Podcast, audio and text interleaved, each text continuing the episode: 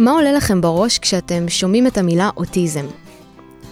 לפני שפגשנו את הגיבורים של הפודקאסט הזה, זה בעיקר הרגיש לנו רחוק, אבל ככל שנכנסנו פנימה, רק רצינו להתקרב יותר. יש כאלו שמציגים את עצמם כאוטיסטים, אחרים קוראים לזה על הספקטרום או בתפקוד גבוה, אבל מה שבאמת הבנו, זה שגם אם אנשים חולקים את אותה הגדרה, זה לא בהכרח אומר שהם חווים את אותן התחושות. כזהו הרצף האנושי, אין סופי, ולכל אחד יש בו את המקום שלו. על הרצף, הפודקאסט של דור שאלתיאל, מור בנוח ודודי סגולם. והפעם נדבר על מה שבין האבחון לחיים האמיתיים.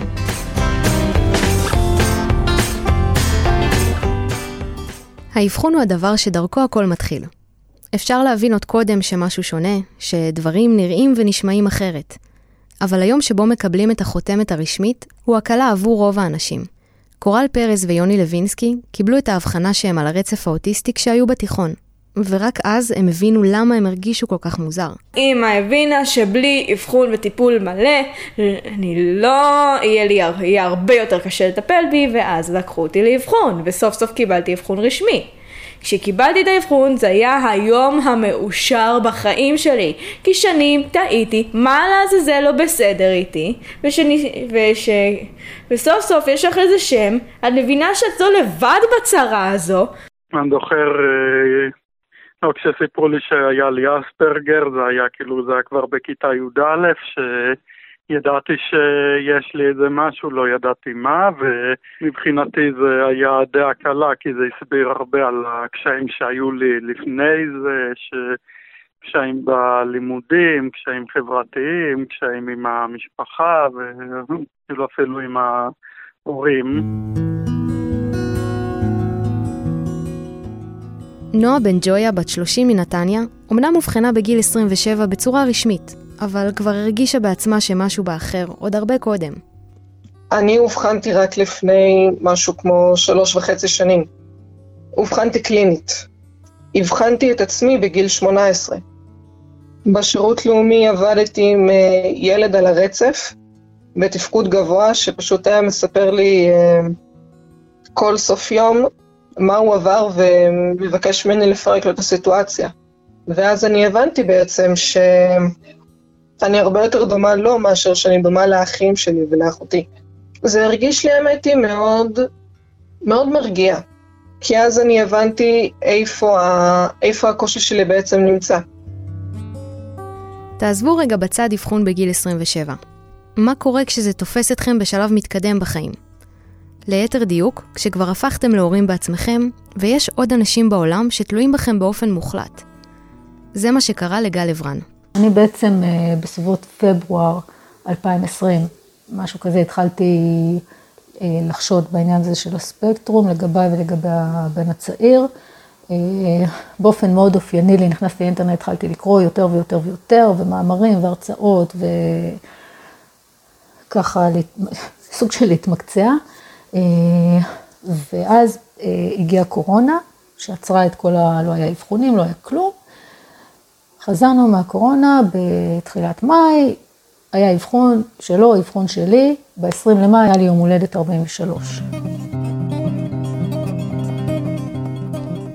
מצב חדש בחיים כשאתה כבר מבוסס ומצאת את מקומך, יכול להוות מהמורה מסוימת. הרי איך אפשר להסביר לכל האנשים שמכירים אותך ונמצאים סביבך כל כך הרבה זמן, שמשהו בך השתנה? גל מצא באבחון שלה סיבה טובה לחשוף את עצמה לעולם, ופרסמה פוסט בפייסבוק.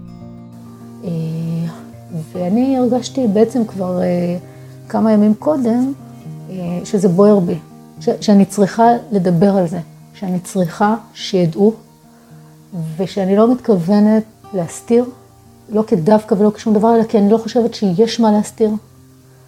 ואני לא צריכה להסתתר, ואני לא צריכה להתבייש, ואני רוצה שאנשים יבינו למה אני נראית להם מוזרה. ולא רק שהם יבינו, אלא שאני אתחיל לתפוס מקום בעולם הזה. השלב שמגיע אחרי האבחון הוא ההכרה בזה שיש לך נכות. בהמשך מקבלים תעודת נכה, שמאפשרת לעקוף בתור, לחנות בחניות נכים ולקבל קצבה חודשית. ועדיין, קורל מספרת שיש כאלה שלא מכבדים את התעודה שלה. למשל בסופרמרקט אחד באשדוד, היה תור של שעתיים לסניף של הדגים, ואני נאלצתי להיגרר יחד עם אימא שלי. הייתי עייפה, לא הרגשתי טוב, ולא, וזה היה ממש לפני ראש השנה, אז כולם הלכו לקנות דגים. אז uh, זה, ניסו להראות את זה, אמרו, לכו לקופה הראשית. אמרנו לקופה הראשית, סליחה, אנחנו לא מקבלים, לא מקבלים את הטאג הזה, זה אם אתם ממש רוצים, לכו למנהל. וכשהלכנו למנהל, הוא פשוט גירש אותנו לפני שאמרנו מילה מהפה. אין כאילו, אני fucking נכה. אני לא, מח... לא חייבת גם להסביר לכם למה. יש מספיק שיש לי תעודת נכה שגם מראה שמסיבה מסוימת אני צריכה לעקוף אתכם, כי אחרת אני אחטוף התקף חרדה וזה יהיה משפיל גם כן. זה נטו נועד בשביל להגן על הדיקניטי שלנו. כי אני, אני לא רוצה לחטוף את... כי גם כשאני חוטפת התקפי חרדה בציבור, זה מתיש. אני אחר כך לא יכולה להמשיך את היום שלי כרגיל. זה משבש לי תוכניות, זה משבש לי את התפקוד. כל הגוף שלך עושה עצמו שאט דאון. זה, במקרה שלי זה התקף רב שלבי. קודם כל את בוכה, בוכה, בוכה, בוכה, בוכה שלא בח... לא ראית בן אדם בוכה ככה. אחר כך בגלל התשישות של הבכי, את נהיית משותקת. זה שיתוק פסיכוסומטי, זה לא משהו שהוא אשכרה אורגני. את בקושי מצליחה סיז שריר בגוף, לפעמים את אפילו לא מצליחה לפקוח עיניים. לפעמים את איכשהו מצליחה לזה, לפקוח עיניים או להזיז את האפפיים, ו... ואת מבינה מה שקורה סביבך, אבל את פשוט מרגישה כלואה בגוף.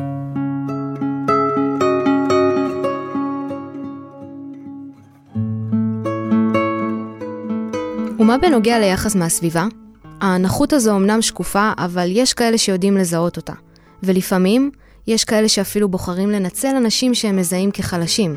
זה קרה לנועם אהרוני, במקום הבטוח, ממש בתוך הבית שלו. היה איזה מקרה שהתפקוד שלי היה יותר נמוך, אז אה, בוא נאמר רק כשהתגייסתי, הייתה איזה מישהי שאימא לכמה, לאיזה, אימא שהתגרשה מהבעל שלה,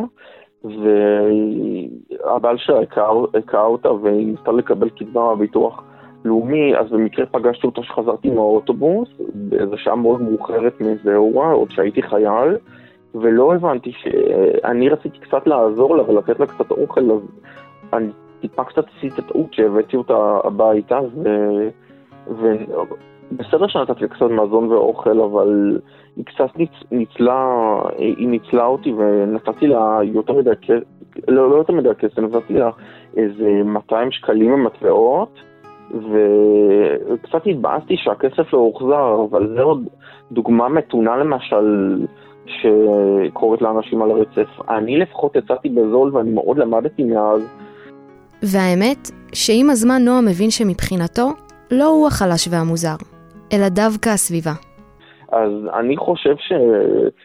שכל מיני אנשים רגילים הם בעצם המוזרים ולא להפך, אבל אני תכלס מכיל את כולם. בעיה שהמודעות ש... לכל מיני אוכלוסיות מיוחדות ואנשים על רצף לא הגיע למשל לכל העולם, אז זה נראה להם קצת מוזר בעיניהם, או משהו לא בסדר בבחור, אולי הוא פריק או משהו, אבל אה, אני למדתי פשוט די להתעלם פשוט. עברתי את השלב כבר ש... שאני יכול, שאני קודם כל קיבלתי את עצמי וקיבלתי את הסביבה וכל אחד בעצם. אני חושב שכל אחד יכול לעשות כל מה שבא לו, כל עוד זה לא פוגע באחר. אפשר לחשוב שאם אני למשל יושב על הרצפה, אז זה נראה להם מוזר. אני נותן, סתם נותן דוגמה, ולמשל שאני למשל הייתי עושה קולות או מדבר לעצמי, זה לא, זה לא משהו שמאוד פוגע, זה לא מקובל, אבל זה לא למשל שאתה, אה, למשל שאתה תפרוץ לאיזה בנק או, או תעשה רצח או משהו, יש הבדל בין משהו שעושה נזק משמעותי או קיצוני לבין משהו שלא פוגע בקטנה, אבל יש כאלה שקצת מגזימים עם התגובה פשוט לפעמים, ואולי אני גם בגלל המראה שלי שאני נראה רגיל, אז הם, הם מסתכלים עליי עוד איזה בצורה מוזרה, כי אני לא נראה להם שונה מבחינת הנוירולוגיה או, או הנכות. עד כמה זה באמת קשה להיראות רגיל? קורל מסבירה שלמרות שהם מכונים בתפקוד גבוה, זה לא ממש לטובתם. אוטיסטים, שמה שמכונה בשפה מקצועית לצערי, ותפקוד גבוה, הם בעצם שקופים על ידי מערכת, כי פשוט לא רואים את הקשיים שלנו ולא רואים שאנחנו בקבוצות סיכון להרבה מאוד דברים, והרבה, משל, אנחנו בסיכון לחרדות, אנחנו בסיכון להתאבדות, אנחנו, אנחנו בסיכון לדיכאון. אנחנו יותר, יותר, הסיכוי שלנו לסבול מהתעללות בילדות הוא יותר גבוה, בין אם אנחנו מאובחנים או לא, כי אנחנו פשוט נראים שונים או חלשים או לא עונים על הציפיות של ההורים. אנחנו, אנחנו ביותר סיכוי לבריונות, אנחנו ביותר סיכוי לפוסט טראומה, אנחנו בהרבה יותר סיכוי למחלות נפש שונות, ו- ועל זה, זה אנחנו מתעלמים, ושלא לדבר על כך שהרבה מאיתנו סובלים מדיכוי כפול. נשים אוטיסטיות מאובחנות פחות כי התסמינים שלהם הרבה יותר מתונים. אני, אני, אני, זה לא שאני לא מסוגלת לדאוג לעצמי באופן מלא, באופן מלא, פשוט קשה לי, אמנם אני זקוקה לזה קצת עזרה, אבל אני צלולה, הדעה שלי צלולה, אני ברת דעת. זה לא שאני חולת אלצהיימר. יש לי דעה משלי, זה לא שאני זה לא מסוגלת לקבל החלטות. אני מסוגלת לקבל החלטות? מזל טוב, אני לא צריכה אפוטרופוס. ובכל זאת, איך לא מומלץ להתנהג עם אוטיסט? לקורל יש כמה עצות.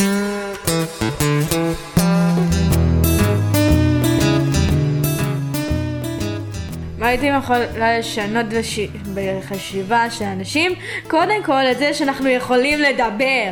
כי הרבה מאוד מהאנשים שזה חושבים שאנחנו שקטים, לא יכולים לדבר. כי זה מה שאת... שעלות שהיא בעצם הייתה, שבגלל שזה ארגון של הורים שבעיקר עם, עם אוטיסטים שיותר נראים לציבור כאוטיסטים, הראתה להם לאורך כל השנים שלהם, וזו התפיסה שהתעצמה, של אוטיסטים שהם בעצם לא מדברים, הם שקטים, הם מיוט.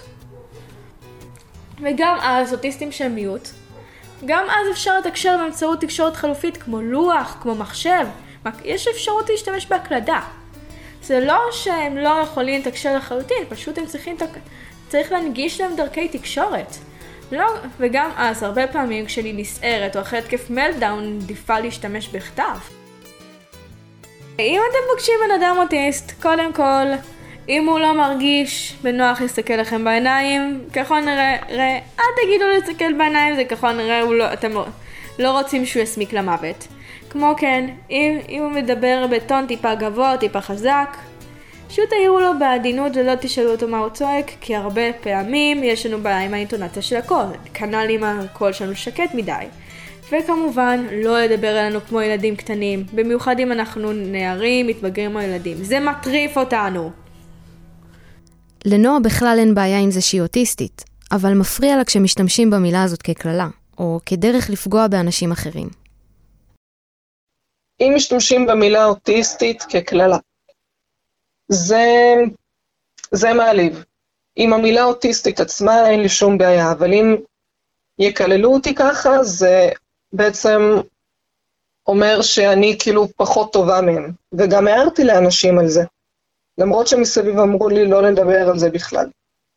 אמ, היה מישהו שנתקע בי ברמזור, הוא היה שקוע בפלאפון, ואז אה, הוא ככה הרים את הראש והתעצבן עליי, תגידי, לאן, לאן את הולכת בדיוק? מה, את אוטיסטית? אז אני פשוט נעמדתי, הסתכלתי עליו ואמרתי לו, האמת? שכן, אני אוטיסטית. מה הבעיה? ואז הוא פשוט, כאילו ההבעה שלו נהייתה ממש ממש מצחיקה, מבוכה כזו, ולא, לא, לא, לא, לא, לא, לא, לא, לא, אני מצטער, מצטער, סליחה, לא רציתי לפגוע, סליחה. מבחינת יוני, קשה לו שאנשים חושבים שהוא פחות טוב, ומודדים את האישיות שלו בצורה סטריאוטיפית, בלי לנסות להכיר אותו בכלל. הדבר היחיד שמעצבן אותי זה שזה אה, גורם להם אה, לזלזל בי, למרות שלמזלי אני לא זוכר שזה קרה לי מתישהו בשנים האחרונות, ואני כן אה, נגיד מסביר ש... שאני בן אדם עצמאי ש... ובוגר, שאני יכול, שאני לא צריך הרבה עזרה בדברים, ו... ושהם יכולים כאילו לדבר איתי כמו עם בן אדם רגיל. והאמת שנועה סיכמה את זה הכי טוב. בסופו של דבר, כולנו בני אדם. אני לא רואה למה צריך להשתמש בקשיים או בעיות או לקויות כמשהו, כקללה, כדבר שהוא שלילי. זה לא ראוי לדעתי וזה אפילו מבזה את האדם שאומר את זה. וחשוב לי פשוט להנגיש את זה, וגם שאנחנו בני אדם. אנחנו גם נפג... נפ... אה... נפגעים, צוחקים, בוכים, פשוט בעוצמות שהן שונות. הוויסות החושי שלנו לא תמיד תואם את הוויסות החושי של שאר העולם. אבל אלו החיים, וככה נולדנו. האזנתם לפרק מתוך הפודקאסט על הרצף. מוזמנים להישאר איתנו לפרקים הבאים.